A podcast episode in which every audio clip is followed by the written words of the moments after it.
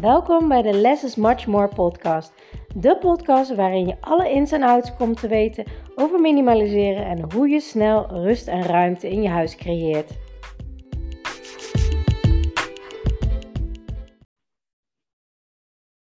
Superleuk dat je weer luistert naar mijn podcast van vandaag. En ik heb vandaag een hele leuke gastspreker aan de andere kant van de wereld eh, om te interviewen, namelijk Janneke van Financieel Vrije Vrouw. En Janneke, wil je jezelf even voorstellen?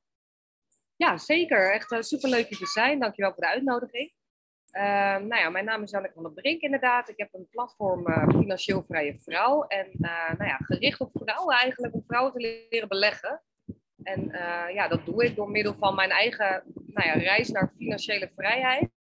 Te delen stap voor stap. En ja, zo is het een beetje begonnen. Eigenlijk een beetje op Instagram begonnen en, en op, op de website van financieelvrijevrouw.nl. En uh, ja, dat breidt zich nu eigenlijk een beetje uit. Dus dat een beetje in een notendop. Superleuk, want je bent nu op wereldreis. Hè? Ik, ik zoom nou met je, ik kan je nu zien. Je zit lekker tropisch eiland. Je bent op Curaçao momenteel, hè? Ja, klopt. klopt. Dit was uh, inderdaad de eerste bestemming van onze wereldreis. En, uh, maar eigenlijk is, uh, is deze reis wel net even iets anders dan, dan een wereldreis voor ons. Omdat wij in 2008 al ooit een keer, in 2008 uh, leerden we elkaar kennen, uh, Jacco en ik, mijn man en ik. En uh, ja, toen hadden we eigenlijk al tegen elkaar gezegd van we willen, ik, we zouden eigenlijk wel Nederland uit willen, ooit. Maar we wisten helemaal niet hoe. Alleen we zagen het dan voor ons, weet je wel. Om dan samen te werken en samen vanaf ergens een tropische bestemming onze werkzaamheden doen. En dat leek ons zo gaaf, leuk en romantisch. En ja, uiteindelijk is die droom een beetje weggevaagd. En uh, toen uiteindelijk, nou ja, na toch best wel ook wel weer um, burn-out, et cetera, van mijn kant, hè, ook je banen waarin je je niet helemaal happy voelde, um, kwam ik op het punt dat, uh, ja, dat ik het boek dus las van uh, Rich Dad Poor Dad. En ja, toen hoorde ik eigenlijk voor het eerst echt bewust over financiële vrijheid. Mm -hmm. En daar is toen het balletje gaan rollen. Dus toen uiteindelijk is dus die wereldreis, zoals het nu is ingestoken, is nu een beetje een reis naar vrijheid geworden. Van ja, waar voelen wij ons het meest vrij? We, we geven onszelf dus ook acht maanden de tijd daarvoor, want daarna word je automatisch uitgeschreven uit Nederland. Mm -hmm. En uh, ja, Curaçao was eigenlijk een beetje de beginspot. Superleuk. En uh, dus jullie, jullie idee is zeg maar acht maanden, want je het begon met een weg naar financiële vrijheid eerst. En nu heb je die financiële ja. vrijheid bereikt. En nu ga je verder naar, ja, wat is de vrijheid nu? Uh, die ja. ik graag met mijn gezin wil hebben. En uh, ik hoorde van jou ook dat je je huis hebt verkocht voordat je op wereldreis ging. Dus heb je in Nederland gewoon, het is geen huis meer en heb je daar ook heel erg veel mee ontspult. Uh, vandaar ook deze podcast. En ik was heel benieuwd naar jouw reis daarin. Want jullie bedachten, we gaan ons huis verkopen. En, en toen, wat heb je toen bedacht met de spullen? Ja, nou, dat was best wel een heftige beslissing ook hoor. Omdat juist ook om ons heen wel mensen kennen wij ook die, die dus eigenlijk ge, nou ja, volledig geëmigreerd zijn, maar die dus wel nog een woning hebben in Nederland. Um, en ja, ik heb eigenlijk vooral altijd gehoord van ja, het is toch alleen maar fijn, want dan heb je wel een woning om naar terug te komen als je in Nederland bent. Um, maar ja, toen de buren de woning verkochten en, en de prijzen die ik toen op dat moment hoorde, dachten wij van ja, maar hoeveel vrijheid heb je wel niet als je het gewoon verkoopt? En als ja. je dan vrij bent en ook niet meer, uh, zeg maar, toch een beetje de last hebt van bezit in een ander land, wat we op zich wel nog hebben hoor, want we, zitten, we investeren wel ook in vastgoed en we hebben nog een pand uh, in, in, eigenlijk twee in, uh, in Nederland. Mm -hmm. um, maar inderdaad, uiteindelijk zijn we ook bijvoorbeeld, oh, hè, maar, ja, jij zit zelf natuurlijk ook in het vastgoed, hè? Ja. Maar uiteindelijk is het zo dat, je, dat wij veel meer um, zijn omgeslagen naar bijvoorbeeld flippen, weet je wel? Dus dat, dat je inderdaad een woning, ja. Um, ja, dat je, dat je transformaties doet. Dus dat je bijvoorbeeld een leeg winkelpand omzet naar een woning, omdat ja, het staat toch leeg. Um, en de gemeente wil er ook wat mee doen. Uh, nou ja, dan kan je het misschien omzetten naar een andere bestemming, naar wonen en dan volledig opknappen en het dan verkopen, weet je wel? Zodat je eigenlijk weer woningen toevoegt, maar dan ben je er zelf elke keer vanaf. En dat hebben we eigenlijk in Nederland nu zoveel mogelijk wel gedaan. We hebben nog één pand die we wel echt houden, omdat we dat, uh, dat was ons allereerste en daar mm -hmm. hebben we gewoon een beetje emotionele waarde uh, bij. En dat loopt ook gewoon goed en dat is prima op, deze, op een afstand te doen. Um, maar we dachten wel van onze eigen woning. Um, ja, misschien is het gewoon tijd om te verkopen, want dan zijn we wel echt volledig vrij.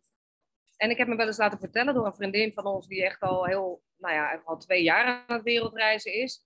Dat zei, ja, je bent pas echt vrij als je je eigen woning kan verkopen. Toen dacht ik, nou, dan moeten we dat maar gewoon gaan doen. Weet ja, je wel? Anders hou je toch altijd lijntjes. En natuurlijk, je hebt wel uh, vastgoedpanden die je verhuurt, zeg maar, voor iemand een fijne woonplek creëert, waardoor je in ruil daarvoor ook natuurlijk weer inkomsten krijgt, waardoor je weer meer kan gaan reizen. Maar dat is niet, zeg maar, dat zijn niet jouw spullen die daar in huis staan. Dat zijn niet de, de lijntjes die je eraan vast hebt van, ja, je moet ervoor zorgen. Ja, wel als verhuurder natuurlijk, maar een hele andere binding hebt dan met je eigen woning. Ja. Ehm, maar goed, jullie hebben dus het huis verkocht en jullie gingen wereldreizen. Dus wat heb je met die spullen gedaan? Ja, ja dat, uh, dat is inderdaad wel een uh, grappige. Want uh, zeg maar gaandeweg, het is allemaal heel plotseling gegaan. En ik, ik weet nog wel dat het gesprek eh, tussen mij en mijn man plaatsvond. Zo van, ja, eigenlijk kunnen we dan net zo goed onze woning ook verkopen. Toen we hoorden waarvoor de buren weggingen, zeg maar. Ja. Toen was het eigenlijk zo dat ook Jacco, mijn man, die zei, ja, waarom niet? Dus het was ook zo snel, uh, weet je wel, besproken. Zo van, oké, nou dan moesten we maar gewoon te koop gaan zetten. en uh, ja, de spullen, zeg maar. Wat we met de spullen hebben gedaan, is dat we uh, heel veel hebben weggegeven toch, uiteindelijk. Vond je het moeilijk om dat te doen? Of vond je het juist makkelijk omdat je wist dat je toch op reis ging en het niet mee kon nemen?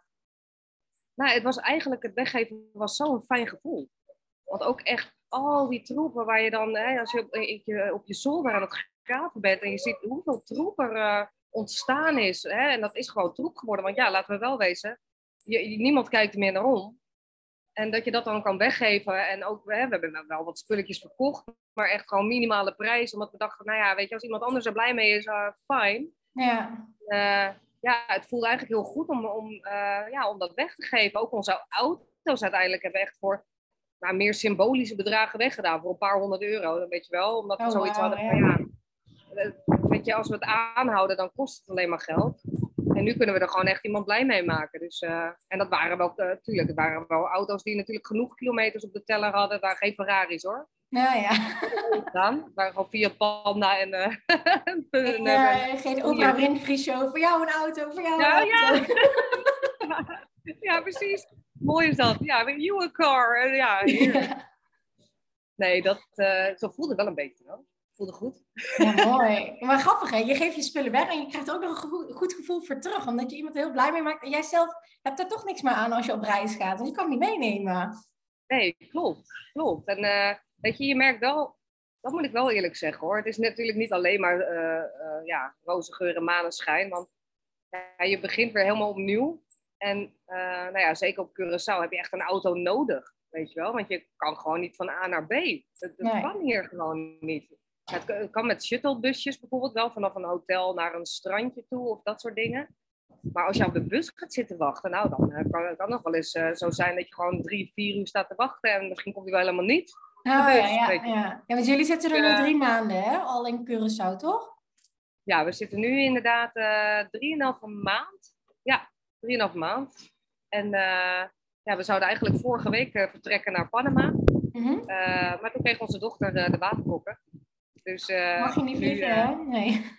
Ja, nee, ja, het is wel grappig inderdaad. Want blijkbaar komt er dus niet veel voor op het eiland. Dus ik krijg van allemaal moeders hier al uh, de vraag van... Goh, uh, kunnen we niet onze kinderen even laten knuffelen? Want ah. blijkbaar, blijkbaar, is het gevaarlijk als het later, op latere leeftijd... dat je nog waterpokken krijgt. Maar ehm, ja, nee, uiteindelijk... Ehm, ja, is het wel een heel fijn eiland hoor, om te beginnen. Wat goed. En heb je ook spullen gehad waar je echt al heel erg veel moeite mee hebt gehad om het uh, weg te doen of weg te geven? Want uh, heb je nog spullen in Nederland opgeslagen?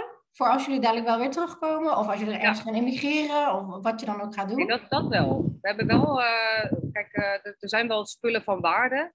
En dat zijn de spullen die bijvoorbeeld mijn over, overgroot opa had een piano. Weet je ja. wel? En mijn broertje nog opgespeeld. En daar heb ik ook nog video's van. Nou ja, die zou ik nooit wegdoen. Ehm, ja, en bijvoorbeeld een Chinese bruidskast die ik uh, van mijn moeder heb gehad. En een beetje dat soort spullen. Mhm. Die hebben we inderdaad opgeslagen in, uh, in een containerbox. Oh, dus ook al meteen in een containerbox, zodat je als je gaat immigreren, dat je het ook makkelijk kan versturen, zeg maar. Ja, klopt. Eigenlijk, uh, het is allemaal nu overgeheveld naar een zeecontainer. Dus dan zou het inderdaad overal ter wereld naartoe gezonden kunnen worden. Mhm. Dus dan hebben we wel inderdaad onze, onze oude spulletjes in die zin ja, kunnen, kunnen we dan terughalen. Maar ik moet wel eerlijk zeggen dat, ja, dat ze nu in een container zitten in Nederland. Het is niet dat, dat ik de spullen mis. Alleen ik vind ze te, van te grote waarde om ze ja, om ze zomaar weg te weg Ja, dat zijn echt een aantal grote objecten waarvan je echt uh, nog enorme emotionele bindingen hebt die je nog echt nog niet weg wil doen. En als je dadelijk ergens wilt settelen, waar ook ter wereld, wil je die graag wel weer terug in je huis hebben. Ja, zeker. Want dan heb ik het idee dat, dat, dat het toch een klein beetje ook weer, ja, het is meer spiritueel ook, weet je. Dat ik een klein stukje van mijn broertje nog in mijn huis heb staan en een klein stukje van uh, mijn vader nog. En ja. ja, weet je, op die manier inderdaad. Dus uh, ja, nee, dus, dus die spullen hou ik wel aan. Ja. ja. Ja, ja, wat mooi. Kwam je ook spullen tegen tijdens het, uh, tijdens het ontspullen, zeg maar, waarvan je dacht, hè, had ik dat in huis, dat je gewoon compleet vergeten was? Ja, ja, eigenlijk wel. En ik moet heel eerlijk zeggen, dat, ja, dat heb ik ook alweer van mijn tante geleerd. Mijn tante die was vroeger ook altijd heel erg van, um, op het moment dat zij nieuwe kleding kocht bijvoorbeeld, dan ging ze ook altijd kleding wegdoen. Mm Zij kocht alleen kleding als ze dan kleding wegdeed. Zo bleef haar kast altijd heel erg, uh, nou ja, uh, ja, hoe zeg je dat, overzichtelijk. Overzichtelijk en, en gewoon precies uh, hetzelfde verdeeld. Um, dus uiteindelijk had ik zoiets wel met de spullen die ik dus tegenkwam. Ook oude boekjes, schriftjes. Hè, dat is ook zo. Hè? Dan zie je weer oude tekenboekjes van vroeger. En dan denk je, ja, zou ik die bewaren? Dan denk ik, ja, maar ik heb er echt zo lang niet meer naar omgekeken. En het is niet mhm. dat dat ik ervan uitga dat mijn kind uh, nog mijn tekenboekjes gaat zitten bekijken. Dus nee, uiteindelijk heb ik toch wel gedacht van nou, hoe lang heb ik het niet bekeken? Oké, zo lang niet. Nou, weg. Weet je wel? Dus ja. Manier heb ik elke keer een klein beetje uh, alles wel vastgepakt om te kijken hoeveel waarde heeft het. Nou ja, het kan weg. Weet je wel, ja. zo.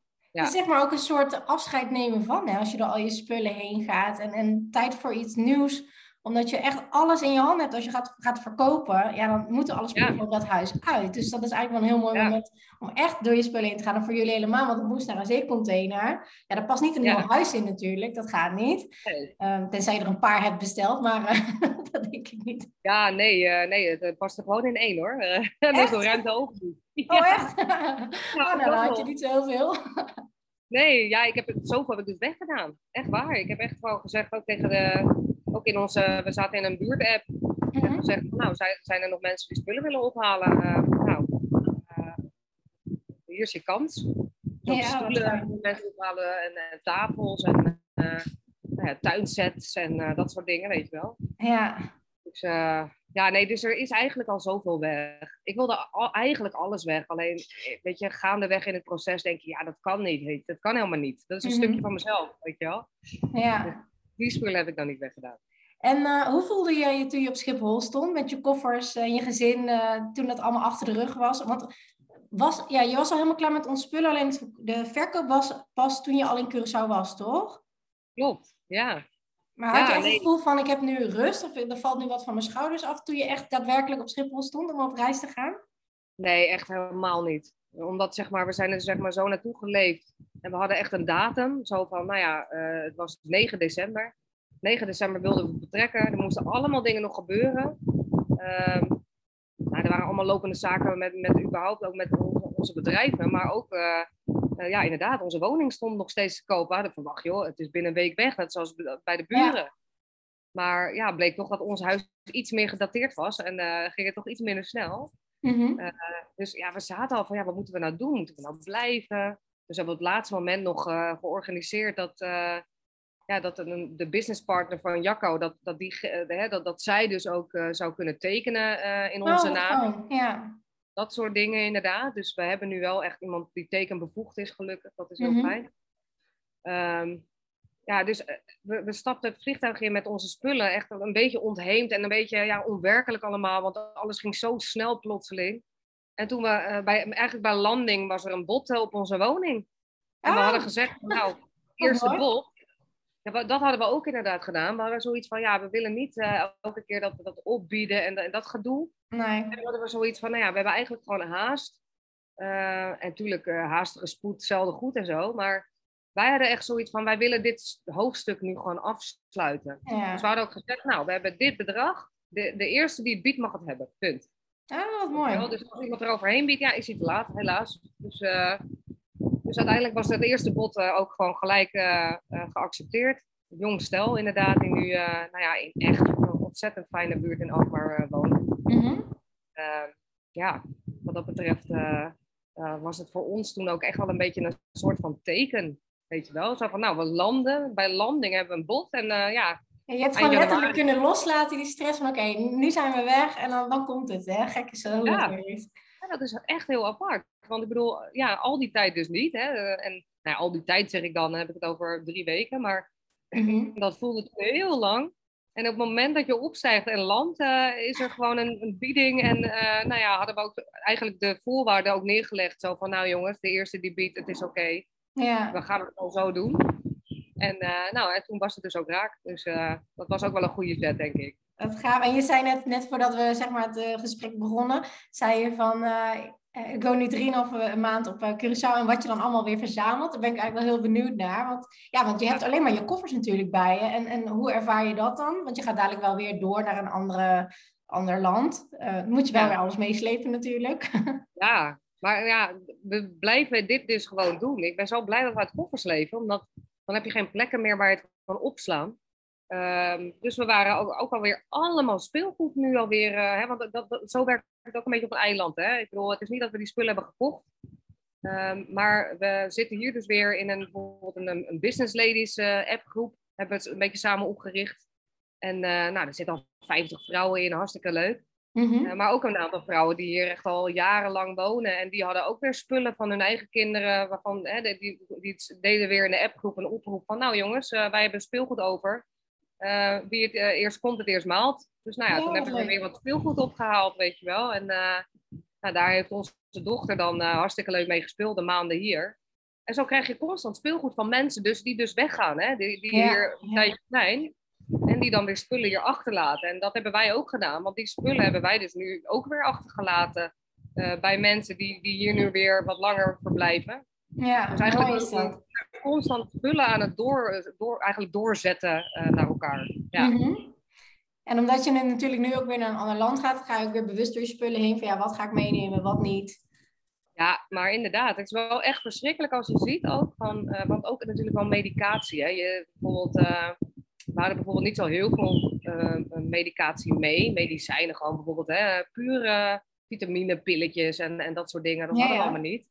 Totdat we hier wel allemaal, uh, nou ja, toch COVID, uh, of in ieder geval, hè, dat we positief getest waren. En mm echt wel een flinke griep te pakken hadden, zeg maar.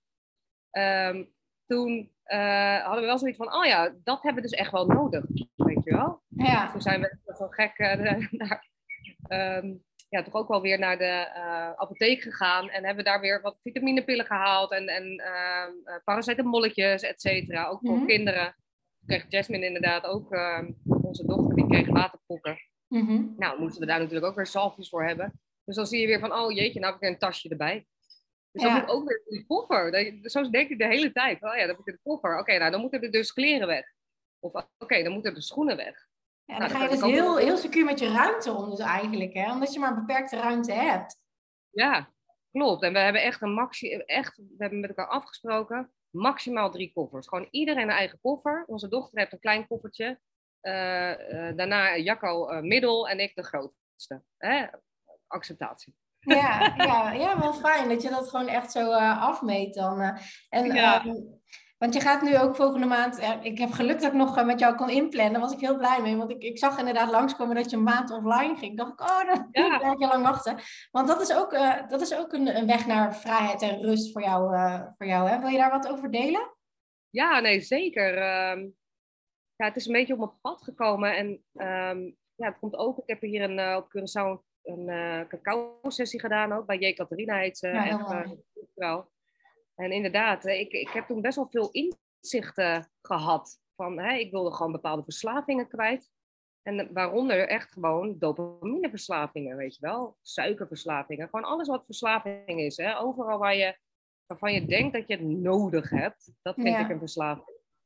Um, hè, ook de vrijmibo, dat je dan nodig vindt om een borrel te drinken. Dat is niet nodig, weet je wel. En ik wil dus niet afhankelijk zijn van mijn eigen verslavingsgevoeligheid voor bepaalde uh, objecten of, of, uh, of uh, nou ja, drankjes en, of, of, whatever, weet je wel. Maakt mm -hmm. me niet uit.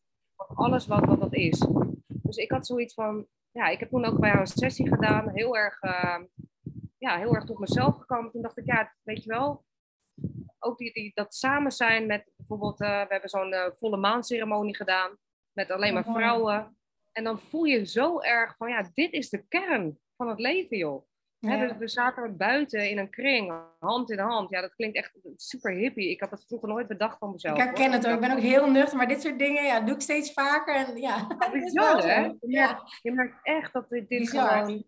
Ja, dat, dat dit, dit laat helemaal op. En dan denk je van, jeetje, maar wat doen we ook moeilijk met z'n allen, joh. Weet je wel? Uh, ik heb ook zo'n boek, ik weet niet of je dit kent. De, de, de paard, de vos en uh, uh, ja. jongetje. En de mol. Ken ik, en de ja. Heb ik wel een aantal quotes uitgezien. Het is zo simpel, maar daar ligt het hem in. Hè? Echt in de vrijheid, in, de, in het... Ik zeg altijd, less is much more. En zo heet de podcast natuurlijk ook. En dat is het ook. Hoe minder minder vast je zit in wat dan ook, of dat je door spullen of door opruimen, wat dan ook, hoe meer je jezelf kan zijn, hoe meer leven je kan leven. Want daar gaat het uiteindelijk om. Precies, en, en echt, weet je wel, je bent tot zoveel meer in staat dan je denkt. En dat, dat merk je pas op momenten dus dat je alles los kan laten.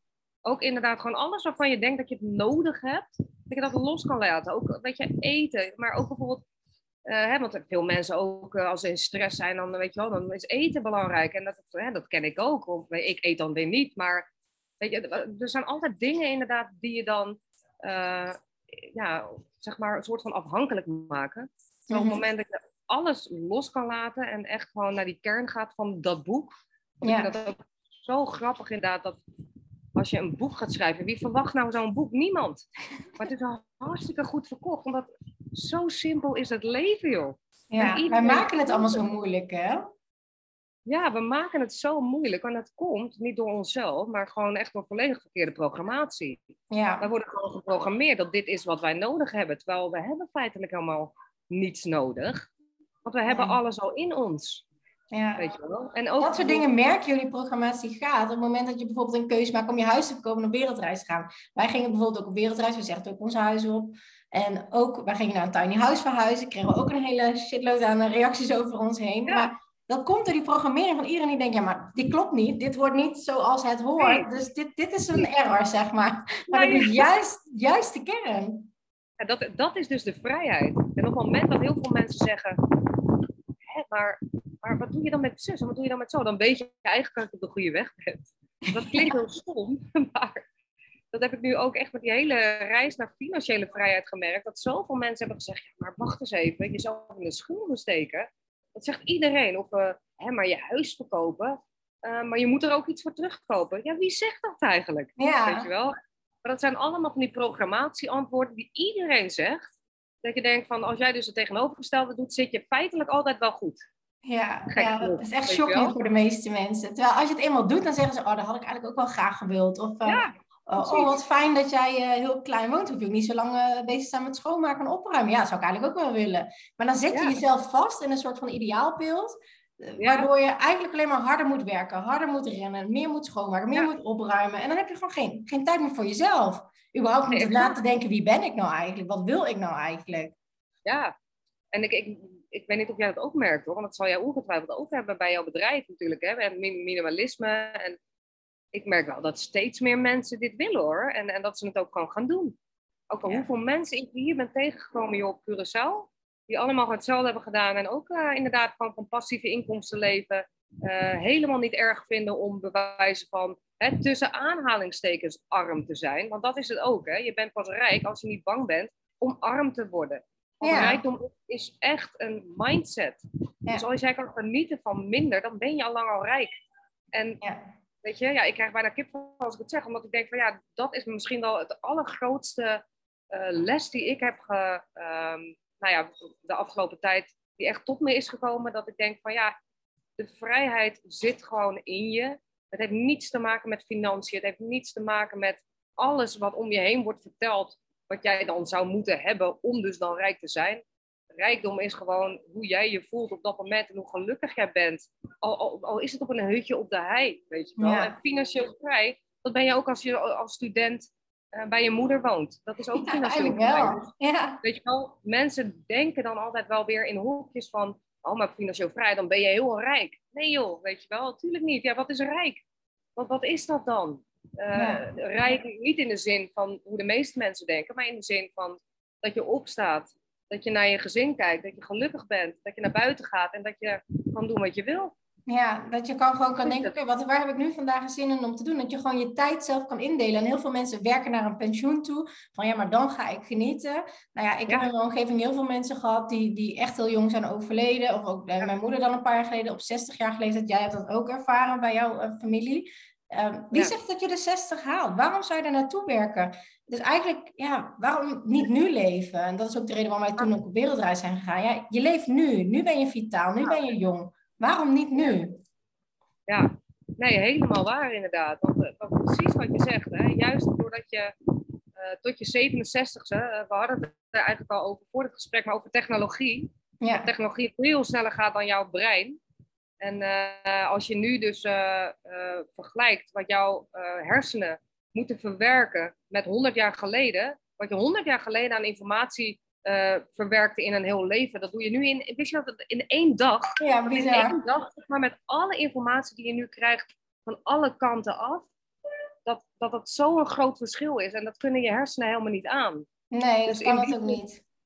Nee, het gekke was op wereldreis, uh, wij gingen dan vijf maanden, toen hadden we geen auto gereden. En toen we terugkwamen, kon een man, die kon niet eens eens op de snelweg 90 rijden. Dan vond hij zo hard gaan, omdat je gewoon helemaal afgeschaald was door de drukte. Ja, op een gegeven moment bent dat wel weer. Maar toen zei hij, dit is zo raar. Dit had ik echt niet aanzien komen, omdat je gewoon helemaal tot rust bent gekomen. Normaal sta je altijd aan en snel en gejaagd. En dat hadden, hadden we niet meer naar de reis. Dus dat is het gekke hoe dat werkt met je, met je brein. En, en ook uit uh, onderzoek is ook gebleken dat je letterlijk stress krijgt van te veel prikkels aan spullen, rommel om je heen. Dus het gekke is, je denkt je bent rijker, want je koopt heel veel meer kleren en heel veel meer schoenen, waardoor je keuzestress krijgt s ochtends, want je weet niet eens wat je aan moet trekken. Je hebt zoveel keus.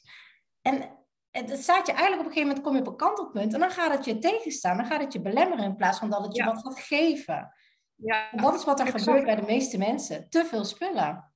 Ja, en het punt is zeg maar dat het wordt ons ook opgelegd, hè, want dat, dat is het ook. Dus het wordt ons van bovenaf opgelegd dat, dat wij dan maar denken dat wij dat allemaal nodig hebben. Maar als je gaat kijken naar de aller, allerrijkste, die hebben bijna niks. Nee. Die zijn minimalistisch, die hebben echt... Uh, kijk naar, naar Mark Zuckerberg, die hebben altijd dezelfde uh, t-shirt aan. Ja. Altijd. En dat zie je, weet je, dat komt omdat keuzestress is helemaal niet handig. Want dat, dat kost jou tijd, dat kost energie. Ja. Je wil helemaal niet te veel keuze hebben. Je wil gewoon, nou, hooguit twee paar schoenen, misschien drie. Maar je wil helemaal geen kasten vol. Dat, dat is toch niet te doen. Iedere dag overal keuzes in de supermarkt. Uh, dat, is, dat zorgt voor zoveel ruis. Dat, uh, ja, dat je eigenlijk zou je gewoon eens moeten kijken wat de aller, allerrijkste doen. Ja. Nou, die gaan allemaal naar stilte hoor. En die, hebben helemaal, die doen helemaal niks op hun telefoon. Die verbieden hun kinderen ook gewoon hè, op hun telefoon te zitten. Ja, omdat ze weten hoe slecht het is. Dus ja. Dat is het, maar vaak wordt er gedacht als je minder hebt, dan ben je of arm inderdaad, of uh, je bent uh, super, super duurzaam bezig. En dat is ook heel goed en dat is vaak ook een gevolg van. Hè? Maar bij mij was dat bijvoorbeeld niet de reden, want ik zei altijd van ja, maar wij houden wel van luxe dingen. En ik had laatst een gesprek met een stijlcoach en die zei, je bent een type minimalistische luxe poes. Dan moest ik wel echt heel erg van lachen. Oh, ja. dat is wel waar. Ik, ik heb niet veel spullen, maar ik hou wel van leuke dingen. Bijvoorbeeld mooie reizen maken, zoals wat jij nou ook doet. Uh, een jacuzzi, weet je, in de tuin. Ik zei ooit van ik wil graag een tiny house met een jacuzzi en een, een Porsche. En dat klinkt heel stom, voor mijn man dan, hè, de Porsche. En dat, is heel luxueus, zeg maar. Maar eigenlijk heb je heel weinig. En je bespaart ook heel veel geld, omdat je niet al die spullen koopt. Nee. En, en dat maakt het, het gaat niet uit wat je koopt, als je er maar blij van wordt. Als je echt, inderdaad, als het een negen voor je is, dat, dat is wel grappig wat je zegt, ja. Ik, ik heb een keer, uh, nou ja, met een vriendin, uh, je kent er ook wel, Faiza. Ja. Die heeft ook al gezegd met, uh, eigenlijk met voeding ook. Weet je, als je iets een 9 vindt, dan mag het. Ook al is het chocoladetaart. Maar als het een 7 is, ja, dan moet je het niet doen. Weet je wel, eigenlijk, dat heeft ze toen ook een keer ergens geleerd. Toen dacht ik, ja, dat zou je dus met spullen ook moeten doen. Is het voor jou een 9? Is het geen 9 waard? Ja, heb je het dan, ja, wil je het dan wel? Weet je wel? Ja. En dan blijven mensen toch wel spullen vasthouden, omdat ze bang zijn dat ze in de toekomst het nog nodig kunnen hebben. Ja. Wat als en dat is een ding die heel erg eraan hangt. En um, had jij dat met, met jouw ontspullen, zeg maar? Wat als ik in de toekomst het toch wil hebben? Ja, zeker wel gehad. Ja. En dan gewoon kleine dingen ook hoor. Ook bijvoorbeeld rekenmachientjes bijvoorbeeld. Zo van, oh ja, dat, het is wel misschien handig in de toekomst. Oh nee, ik heb hem ook op mijn telefoon. Oké, weg. Dat is dan een klein voorbeeld, maar, uh, maar ik moet wel eerlijk zeggen dat als ik erover nadenk, over dat ontspullen, hoe dat gegaan is, we waren zeg maar zo met tijds, in tijdsdruk bezig, dat we ook echt bijna blindelings spullen gewoon in, in kratten hebben gedaan en echt gewoon gezegd tegen de tweedans winkel van nou, zoek maar uit wat je wil.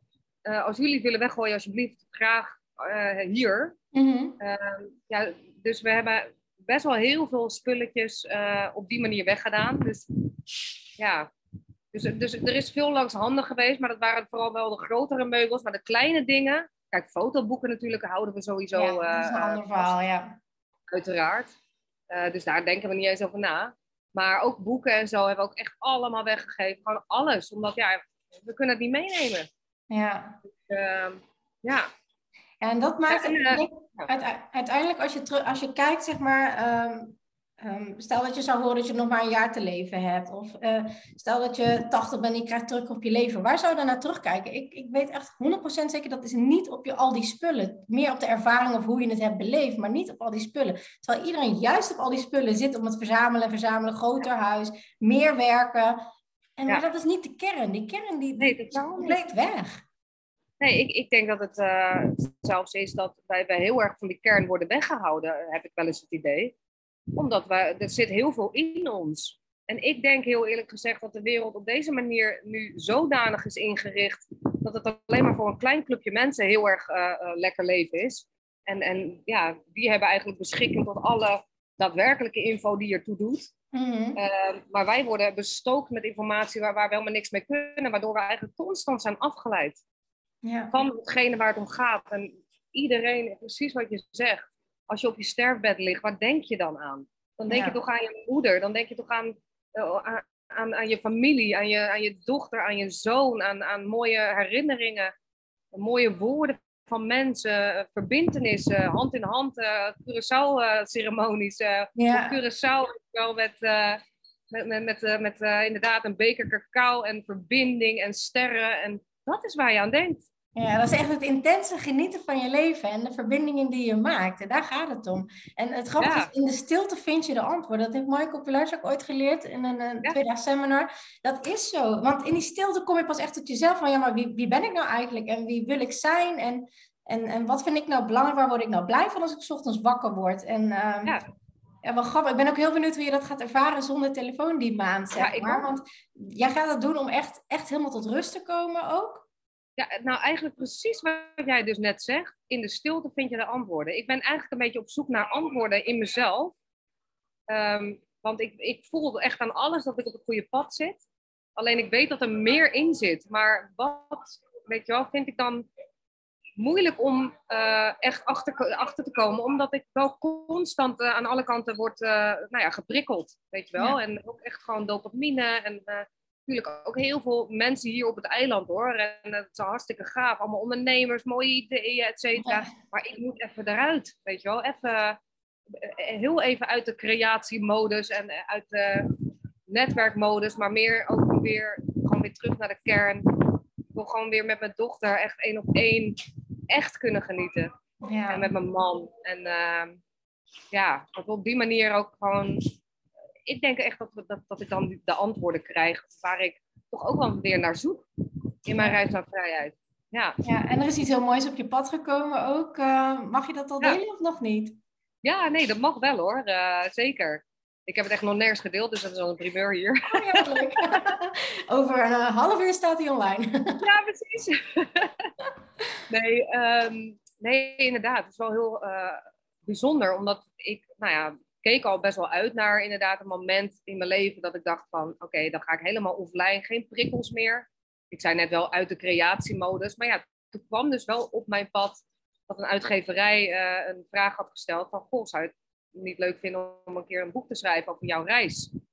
En toen dacht ik in eerste instantie, ik, ik was ook niet gelijk op ingegaan, omdat ik dacht van ja, dat weet ik niet. En uh, ik dacht ook in eerste instantie dat het wat anders was. Dat het meer iets van een story terrace uh, verhaal was. Waarbij je dus een mhm. bedrag betaalt dat iemand dan een boek schrijft over jou. Um, maar nee, in dit geval was het dus iemand die dus vroeg, eigenlijk een uitgeverij, die vroeg of ik dus een, eh, boek wilde schrijven over mijn reis. Mm -hmm. En uh, nou, toen dacht ik eigenlijk van, ja, ik weet niet, ik, ik voelde echt iets van, ja, ik moet dit doen. Mijn vader is, is ook auteur, is ook schrijver geweest. Mhm. Eh, overleden in 99, maar hij heeft heel veel boeken geschreven, eigenlijk over deze tijd. Oh, over de tijd bijzonder. van nu, weet je wel. Over ook over de digitale munt. Daar was hij heel bang voor. Hij was Oh, best ja? wel angstig voor een digitaal tijdperk waarin je dus eh, eigenlijk al je privacy kwijt bent. En eh, ja, waarbij dus centrale banken eigenlijk gewoon precies zien wat je doet door middel van, van het geld. Ja. En daar schreef hij altijd al over. En ik, ik heb daar nooit in verdiept. Het is echt puur toeval eigenlijk. Nou ja, toeval bestaat niet, maar Ja. dat ik dus uiteindelijk financiële vrijheid op mijn pad kwam. Want dat is dus niet via mijn vader gegaan, maar toch kwam het op mijn pad. Eh, en hij was ook niet bezig hoor met, eh, met financiële vrijheid. Mijn vader was vooral bezig met eh, wat doen de allerrijksten? Mhm. Wat doen zij? Wat, wat zijn hun beweegredenen, zeg maar? Ja. En daar heeft hij best wel veel boeken over geschreven.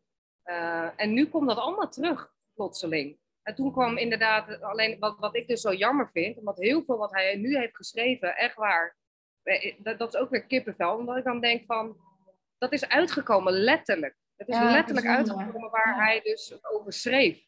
En eh, hij, ehm, hij, heeft, hij heeft zijn verhaal dus nooit bij een uitgeverij gebracht. Ah, Dus ja, er zijn maar weinig die ervan weten. Dat ik denk, ja, dat is zo zonde geweest. Want ja, dan hadden wat meer mensen geweten welke kant we nu opgaan, et cetera. ja. Dus nu had ik zoiets van, nou ja, dan is dit denk ik wel weer voor mij misschien wel een roeping. Dat ik wel iets op papier ga zetten en in ieder geval mijn reis vertel Ja. over wat ik allemaal op mijn pad ben tegengekomen en hoe ik er nu in sta. En ja, wat, ja wa- waarvan ik denk van, hé, hey, wat, wat, wat connect nou alles met elkaar? Want uiteindelijk is alles connected met elkaar en daar kom je heel erg achter Ja. op het moment dat je dus onderweg bent. Hè? Maar pas als je onderweg bent, kom je erachter dat alles met elkaar verbonden is. Ja, en als je terugkijkt ook, en dan kan je echt helemaal die stipjes zo met elkaar verbinden. Want dan denk je, oh ja, daar heb ik toen die keuze gemaakt, daardoor doe ik dit. Daardoor heb ik meer vrijheid gecreëerd, daardoor kon ik veel meer genieten van mijn gezin of andere Ja. dingen. Ja. En daardoor kom je er dus ook weer achter. Hè? Want dan heb je ook weer de tijd om dus weer bepaalde dingen te lezen. En dat je denkt van, oh ja, maar mijn roots. Kom je dan toch weer terug een beetje bij mijn vaders. eh, hè? hij, hij hield heel erg van schrijven. Ik ben Mhm. ook wel gaan bloggen. Niet omdat mijn vader het deed, maar toch omdat het erin zit. Hè? Je Ja. stopt de familieopstellingen. En ja, dus het is wel heel grappig om dan te zien van, nou ja, grappig dat al die puntjes met elkaar connecten. En dat Ja. wordt dan ook het laatste hoofdstuk van Connecting the Do- Dots, weet je Oh, wel? wat gaaf, ja. Dat dat je dan eh, gewoon een geheel plaatje hebt van, nou ja, van hoe ik mijn reis heb ervaren. En nou ja, waarvan ik denk ook eh, wat er dus allemaal met elkaar connected is. Eh, ja, dus ja, dat. Ja. wat was jouw trigger eigenlijk om echt financieel vrij te worden, zeg maar? Want je hebt natuurlijk een keer een keuze gemaakt van, ja, ik wil uit die ratrace. Ik wil echt helemaal terug naar de kern, ik wil naar mezelf. Maar Ja. daar heb je natuurlijk financiële vrijheid voor nodig. Wat was die trigger bij jou dan? Dat je echt dacht van, nu ga ik het anders doen? Want je Nou bent ja, ook nog heel jong, hè? Want hoe oud ben jij? Volgens mij net zo oud. als Eh, mij. 39, ja. 39, ja. Dus ik wilde voor mijn 40ste eh, financieel vrij worden. Mhm. En eh, nou, dat is gelukt, yes. En, maar dat, dat is dus ook inderdaad, eh, weet je, dan zeg ik yes, maar dat is ook eh, zo grappig. Je schrijft iets op en dan, het is heel raar hoe het universum werkt, weet je wel. Daar geloof ik nooit in hoor, geloof me nou. Ik, ik, vind het, ik ben de laatste die daar ooit in gelooft. Ik ook, maar- ik ook. Maar de laatste paar jaar wel, ja. ja, de laatste paar jaren, het is gewoon bijna beangstigend. Dat alles wat je opschrijft, wordt gewoon werkelijkheid. ja. Maar dat is kwantumfysica. Eigenlijk is het heel, heel goed uit te leggen. Ja, het is kwantumfysica inderdaad. Maar inderdaad, ja, dat zou jij eigenlijk, dat is weer een heel ander hoofdstuk, maar is ook interessant om daar een keer echt eh, over uit te wijden. Dat je, kan het zien aan alles. Overal waar jouw energie is, verandert. Ga kijken bijvoorbeeld naar een kaarsje.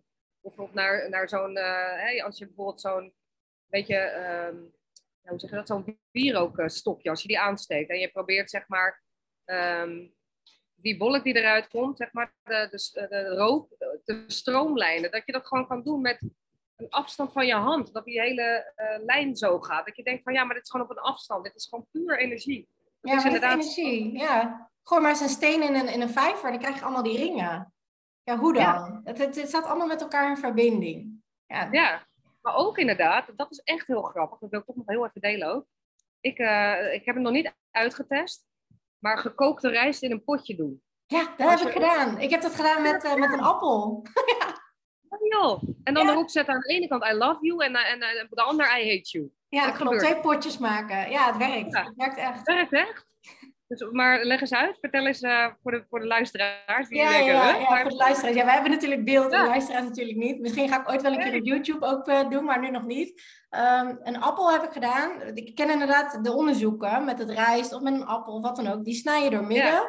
Uh, dezelfde appel of dezelfde pan met rijst, die verdeel je ja. twee potjes. En inderdaad, je zet erop van het ene potje I love you of lieve woorden. En de andere zeg je... Um, uh, gemene dingen tegen, hè? of haatje of wat dan ook. En uh, dat, daar praat je dan tegen. Ik heb dat met mijn kinderen gedaan. Ik heb ze ook uit elkaar gezet, die potjes. Want ik dacht, ja, anders dan beïnvloed je dat misschien. Maar het werkt echt. Het potje waar je heel lief tegen praat, die blijft heel lang goed. En een potje waar je gemeen tegen praat, die gaat verrotten. Die gaat veel sneller bederven. En dat komt door de watermoleculen die daarin zitten. Dat is een Japanse onderzoeker, die heeft dat helemaal onderzocht dat door eh, de vibratie die je uitzet met ehm, vriendelijk zijn of gemeen zijn, net als dat je in een ruimte komt waar net ruzie is geweest, dat voel je gewoon. Ja. Dat werkt zo. Op die manier, je zet het uit. Ja. Net als een radio, weet je, als je, als je Radio 538 aantikt, krijg je Radio 538. Tik je uh, Sky Radio aan, krijg je Sky Radio. Dus je zit op verschillende frequenties. En dit werkt dus ook met aardig en niet aardig, verschillende frequenties. En zo werkt het dus echt, want die watermoleculen veranderen.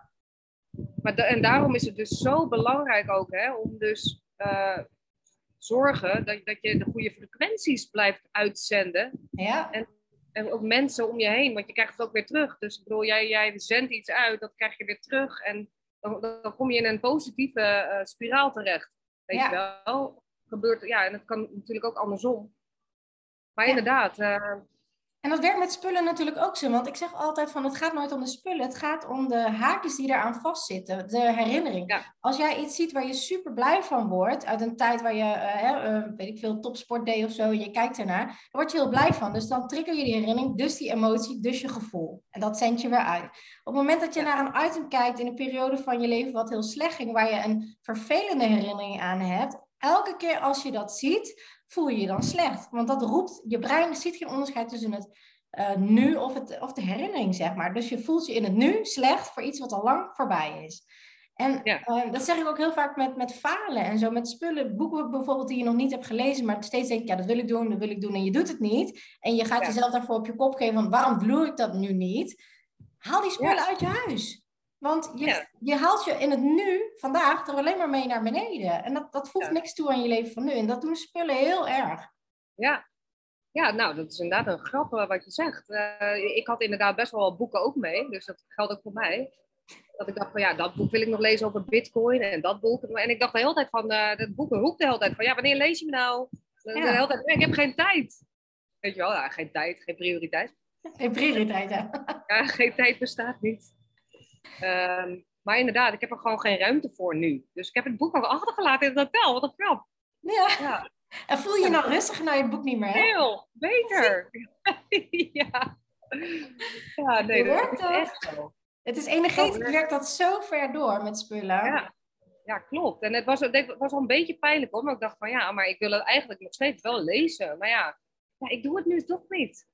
Dus dan heeft het gewoon geen zin. En ik heb het gewoon achtergelaten hoor. Nou ja, ik zei hotel, maar ik heb het eigenlijk achtergelaten. Mijn koffer heb ik ergens achtergelaten bij de locatie waar wij waren. Mhm. En dat is dus weer opgehaald door iemand die hier ook weer woont, weet je wel. dus als ik ooit weer terug wil, dan kan ik hier gewoon weer terug dat boek weer een keer halen. Ja. Maar nu laat ik het los. ja, ja, maar dat is het. Weet je, op het moment dat jij constant getriggerd wordt door die spullen, of dan voel je je gewoon niet goed. Of als je denkt, oh, ik moet weer opruimen terwijl ik eigenlijk liever met mijn kind wil spelen. Dat is toch zonde van je leven? Want net wat wij straks zeiden, van ja, maar als je terugkijkt op je leven, waar gaat het dan om? Op de mooie momenten en niet omdat je allemaal eh, honderd keer hebt opgeruimd. Dus het is zo mooi dat jij voor jezelf die vrijheid hebt gecreëerd en financiële vrijheid, maar ook nu de vrijheid dat je kan reizen en leuke dingen kan doen en, en echt genieten. En ik vind jou heel erg inspirerend, want jij inspireert zoveel vrouwen om ook financieel onafhankelijk te worden door middel van heel veel verschillende manieren, vastgoed en, en, en beleggen en, en bots en dat soort dingen allemaal. Ja, daar ben ik dan nog zelf niet, niet zo in thuis. Vastgoed ben ik uh, vorig jaar, twee jaar geleden in begonnen. Maar uh, ja, ik vind dat heel gaaf, want dan, dan verspreid je de missie, zeg maar, en help je veel meer mensen naar het leven van een mooiste leven eigenlijk. Ja, exact. Hè? En dat is het ook. Want eigenlijk inderdaad, je vraag was dus ook hè, van waarom wil je bijvoorbeeld, wat is de trigger? Maar de trigger was eigenlijk uh, toch elke keer, nou ja, precies, uh, gewoon dat, dat, Dat je elke keer in een soort van... Je hebt gewoon het gevoel dat je ook in een redrace zit. Zo van, hé, maar ik blijf altijd rennen. Ik, ik moet maar blijven rennen voor, die, voor dat huis en voor die auto. Maar is dat nou echt waar ik nou zo blij van word? Weet je wel, van, die, van dat huis en van die auto? Of word ik er veel blijer van om het avontuur aan te gaan met, met, ons als gezin? En gewoon de, de wereld in te trekken. En ja, ik ben heel erg geïnspireerd zelf dus door Travelicious Family, uh, die op Instagram uh, ja, ja, ja. Uh, ja, dus aan het reizen is met een heel gezin. Met drie kinderen, dus niet met één kind zoals wij, maar met drie. Ja, dat ik dan denk van, joh, als zij het kunnen, dan kunnen wij dat natuurlijk ook. En, en zij was ook degene die mij dus het boek Rich Dad Poor Dad in handen gaf. En dat was oh, echt grappig.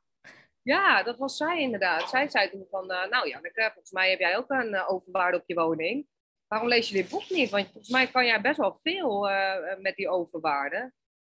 En zij hadden net een bedrijf verkocht en zijn toen nou ja, op die manier ook in het vastgoed gegaan. Ze hadden mm -hmm. Aan de ene kant natuurlijk een hele dure woning kunnen kopen, een dikke vette villa in Bergen. Maar dat hebben ze dus niet gedaan. Ze hebben juist allerlei spullen gekocht die geld opleveren. Dus assets, gewoon echte ja. assets. En niet ja. assets die je dus in een redrace houden. Dus nee, dat is het, hè? Ja, dat is het. En toen zij mij het boek gaf, inderdaad, van Rich Dad Poor Dad, toen dacht ik, oké, okay, wacht eens even. Maar je hebt dus gewoon twee verschillende soorten schulden. Je hebt dus de goede schulden. En dat zijn dus assets. Hè? Dat zijn dus inderdaad schulden die je aangaat. Uh, bijvoorbeeld op dus een beleggingspand. En dan krijg je daar inderdaad geld voor terug. Dus dan heb je ja. goede schulden. Ja, of je hebt een, een asset uh, waar je in woont. En dat is geweldig. Hè? Dan kan je iedereen laten zien. Kijk eens wat een fantastische woning ik heb.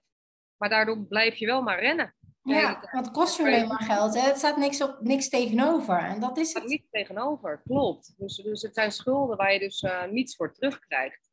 Ja. En als je eigenlijk puur alleen maar dat verschil weet. En je gaat daarnaar handelen. Ja, dan, dan ben je binnen een van tijd vrij. Ja, en het is vooral mindset. Ik, zeg al, minimaliseren is 80% mindset, 20% massive action. Want je moet echt die lagen dieper, zeg maar, soort uit je af naar de kern van waarom heb je iets? Wat voegt het toe? Ja. Waarom? En, ja. um, en wij hebben dat ooit ervaren toen wij in ons tiny house woonden. Toen zei iemand tegen mij van, ja, maar jij kan tenminste lekker bij je kinderen blijven smiddags, maar ik moet wel werken. En toen zei ik, ja, maar Jose, wij hebben hier keihard voor gewerkt. Zeg maar, jij hebt een dure aanbouw laten zetten van 40.000 euro. Die heb ik niet, want ik heb maar 27 vierkante meter.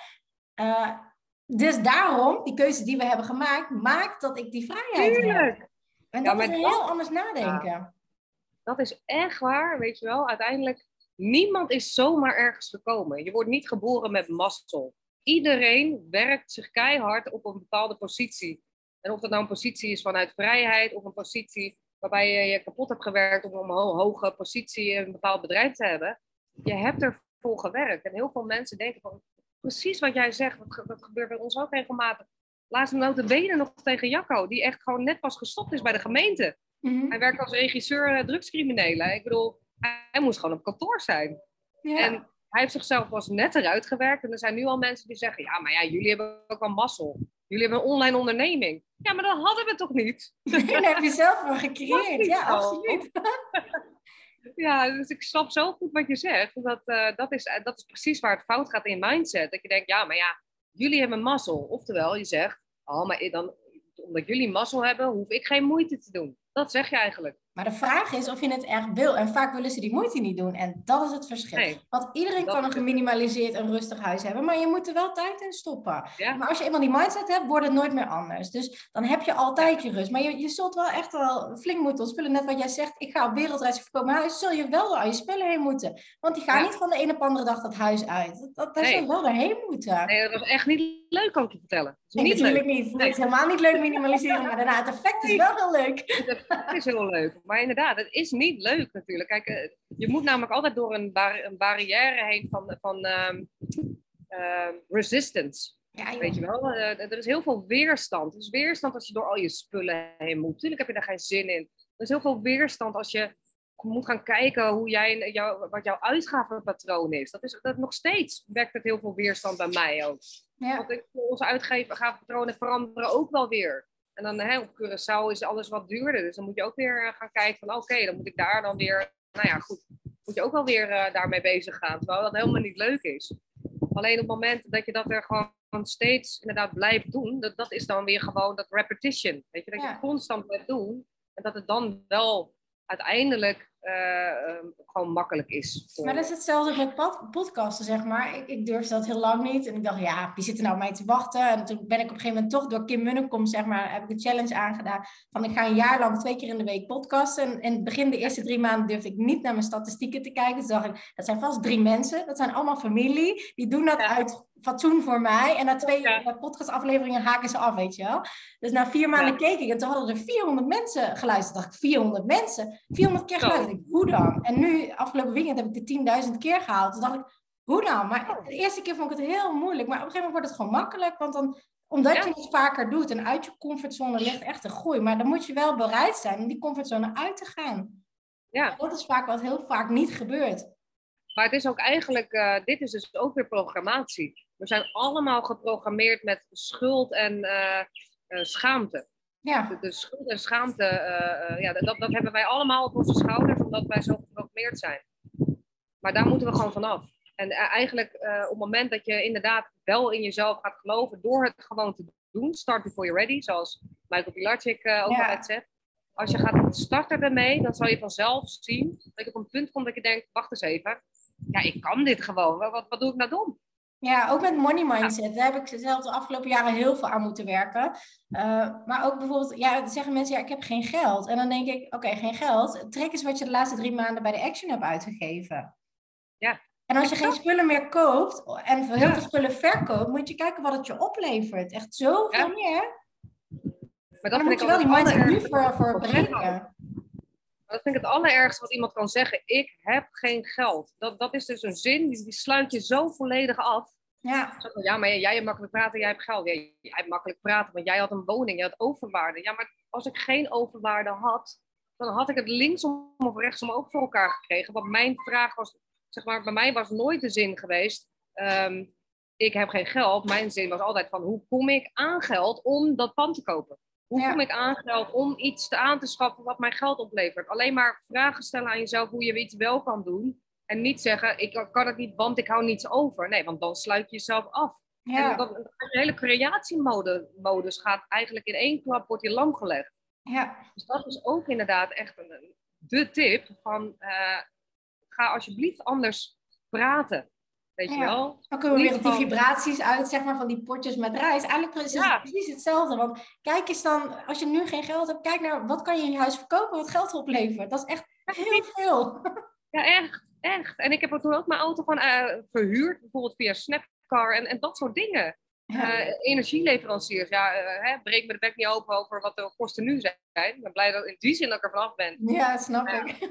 Maar goed, in, in die zin is er natuurlijk ook wel weer andere dingen. Kijk, in Curaçao is het natuurlijk allemaal weer veel duurder omdat je op een eiland zit. Alles moet worden geïmporteerd. Um, maar inderdaad, weet je, er zijn altijd manieren om dus gewoon geld over te houden. Of om te denken, nou ja, kijk, stel dat je zegt van ja, maar dit zijn allemaal negens wat ik om me heen heb. Alleen maar negen en een halve negens. Mm Kan. Denk ik niet, maar maakt niet uit. Maar dan uh, kan je denken van, nou ja, oké, wat kan ik dan doen om dus wel ervoor te zorgen dat je dus geld over hebt. Want ja, er zijn zoveel dingen. Als je goed bent in fotografie, nou, verkoop je foto's aan Pixabay, uh, noem, noem eens wat, weet je wel. Je hebt altijd wel iets in je waarmee je geld kan verdienen. Ja, absoluut. En wat ik ook merk heel erg is, um, eerst had ik een hele kast vol en ik kon de deur bijna niet meer dicht doen. En uh, op een gegeven moment dacht ik, weet je wat, laat maar, niemand komt hier, dus niemand ziet het. Uh, want ik schaamde me er echt van, ik had zoveel spullen. En toen, ik had nooit wat om aan te trekken. Elke ochtend weer dacht ik, ja, ja, nee, ik heb niks, ik heb niks. Of dit past net niet, oh, ja. of hier moet ik ja. vijf kilo voor afvallen. Of nee, dit vind ik niet leuk. En dan ging ik weer naar de stad en dan kocht ik weer wat erbij. Terwijl ik nu een minimum van de capsule wardrobe heb. Dus dat is echt heel veel minder, echt 30 stukken maar. En ik heb altijd wat om aan te trekken. Dus hoe minder ik heb, hoe meer tevreden ik heb met wat ik wil, hoe minder ik die impulsdrang voel van ik wil meer spullen kopen, want dat maakt me gelukkig. Nee.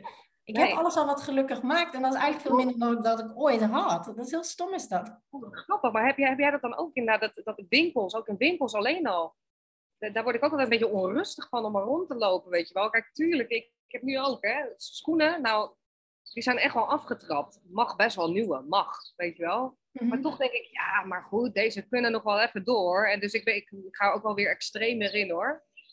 Dat ben ik altijd een beetje. Ik moet altijd weer heel overdreven.